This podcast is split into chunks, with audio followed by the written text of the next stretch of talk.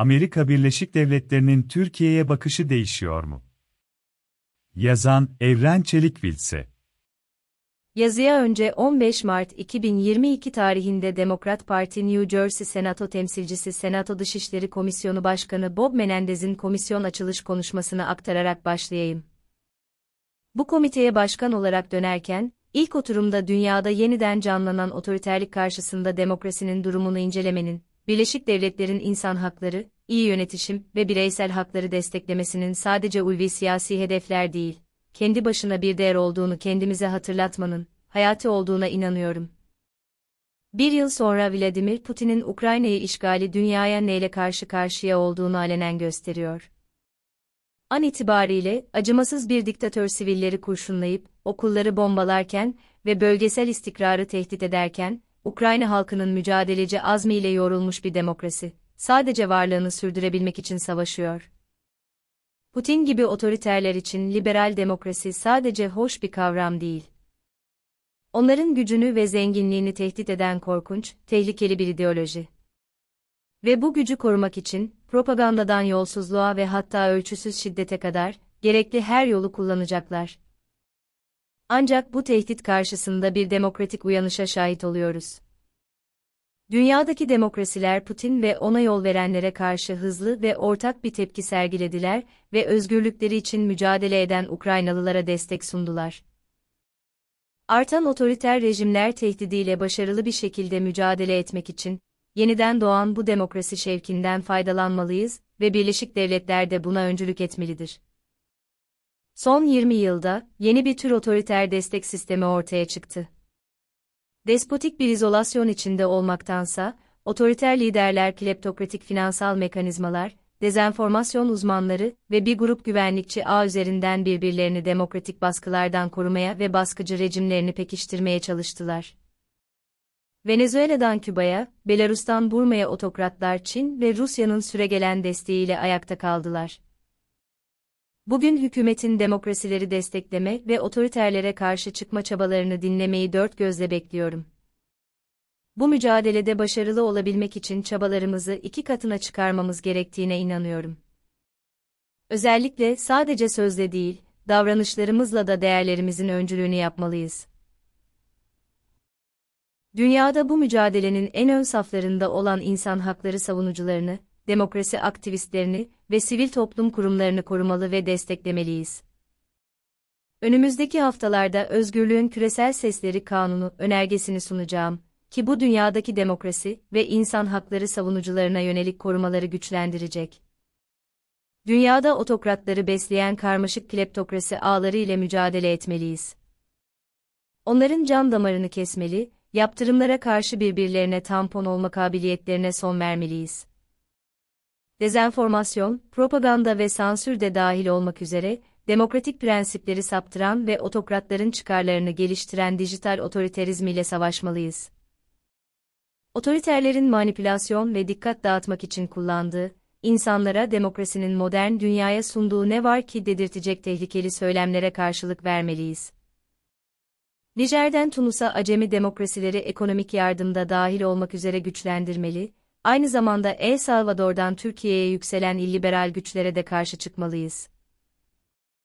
Çok uzun zamandır otoriter rejimler ulusal liderleri güç ve zenginliğe giden kısa bir yol var diye cezbetti. Buna karşılık, halkı için güvenlik ve refahı adil ve demokratik yöntemlerle tesis etmeye çalışan uluslarla dayanışma içinde olmalıyız. Çabalarımız çok iyi finanse edilmelidir. Hükümetin geçen yılki demokrasi zirvesi, müttefiklerimizi bu çabalar için seferber etmede önemli bir fırsatı temsil ediyor. Ancak zirvenin hedefleri somut ve yeterli ölçüde finanse edilmiş eylemlere dönüşmedikçe, demokrasi hareketi daha da kötüye gider ve sadece boş sözlerden ibaret kalır. 6 Ocak'ta başkanlık seçimlerinin sonuçlarını değiştirmek için isyancıların kongre binasının basmasının da gösterdiği gibi, önce kendi evimizi düzene sokmalıyız demokrasi, insan hakları ve çalışmadan sorumlu bakan yardımcısı, savaş suçlarından sorumlu büyükelçi ve dünyadaki diğer açık büyükelçiliklere atamaları yapmalıyız.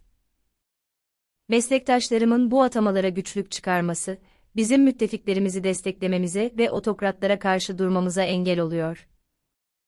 Aynı zamanda hükümet de kamu diplomasisi için bir bakan yardımcısı adayı belirlemelidir. Son haftalarda otoriter liderlerin servet ve güçlerini korumak ve demokrasiyi yok etmek için neler yapabileceğine şahit olduk. Bugün Rusya ve Ukrayna, yarın başka uluslar olacak.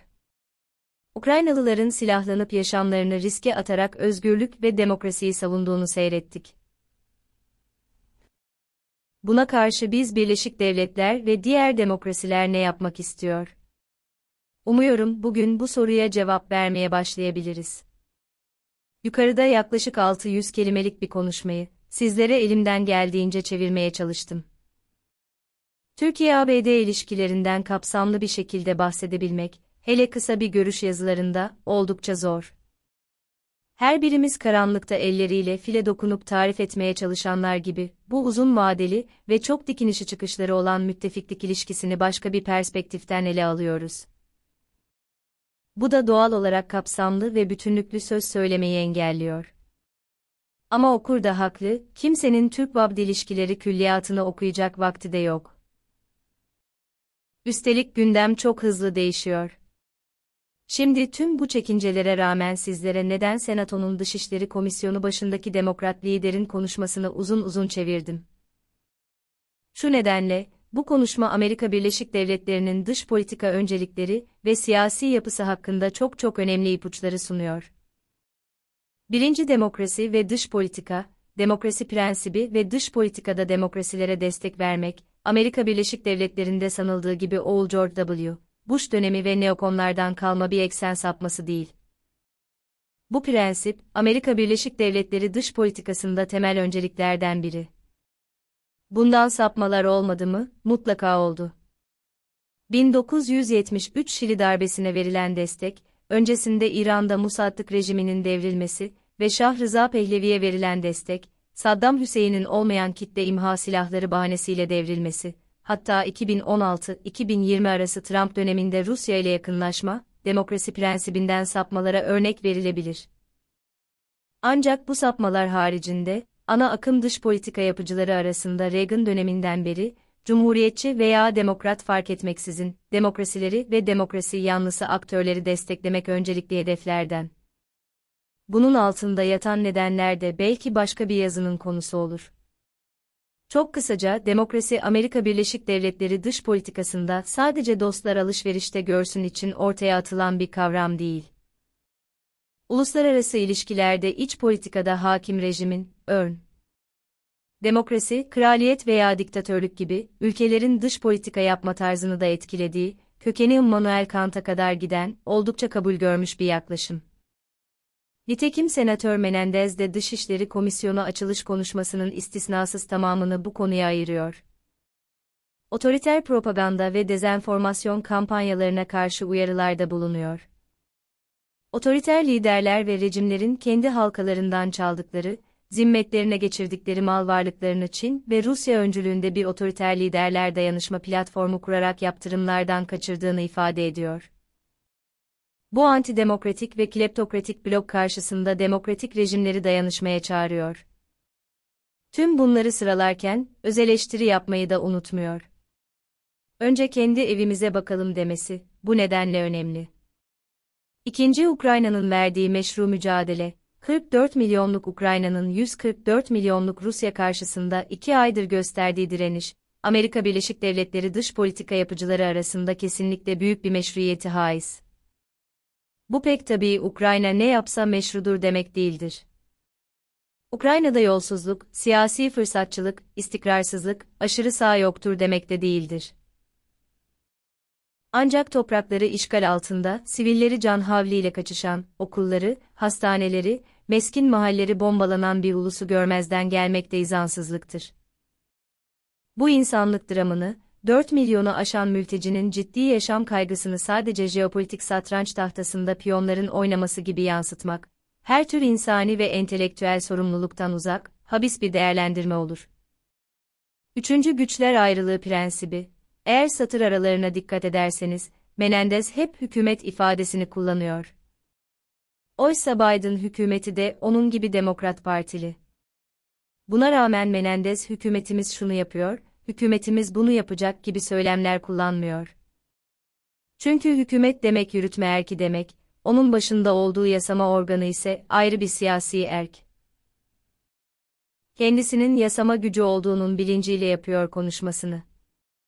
Amerika Birleşik Devletleri Anayasası Başkanlık Sisteminin temel kurumlarını tarif ederken, oldukça katı bir güçler ayrılığı yapısı tasarlamıştır. Ancak bu yasamaj yürütme yargı başına buyruk adalardır, kimsenin kimseye hükmü yoktur, demek de değildir. Nitekim yukarıda görüldüğü gibi, büyükelçiliklere yapılacak önemli atamalarda başkan yetkili kılınmıştır. Ancak senatoda başkanın önerdiği adayları bir incelemeye tabi tutar. Dışişleri Komisyonu örneğin, adayları soru yağmuruna tutar ve peşi sıra oylarlar. Başkan her istediğini otomatik olarak atayamaz. Her kurum kendi görevini gereğince yerine getirir. Sonuç yerine. Uzunca bir zamandır Türkiye'de dış politika yapımında normal, kurumsal ilişkiler bypass edildi. Sürekli devam eden bir olağanüstü hal durumu, tüm beklentilerin bir sonraki liderler zirvesine kilitlenmesi ve kronik bir randevu alma olamama krizi, dış politika yapımını paralize etmiş görünüyor. Oysa Amerika Birleşik Devletleri'nde dış politika yapımında yegane aktör Başkan Biden değil. Senato var. Senato'nun Dış İlişkiler Komisyonu var. Bu komisyonun her bir üyesi oldukça etkili. Keza başkanı, hepsinden fazla söz sahibi.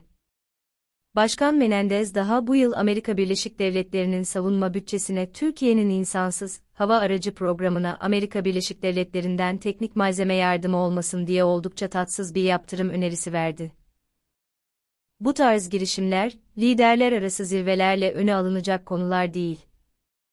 Çünkü bütçeye dahil edilen bu tarz şartlar bir kez yasama organı tarafından onaylandığında, yürütmenin yapabileceği bir şey yok. Mecburen oradaki yaptırımı uygulamaya koyacaklar. Oysa bu taslak öneri aşamasındayken bile, diplomatik kadroların müdahale edebilmesi gerekirdi.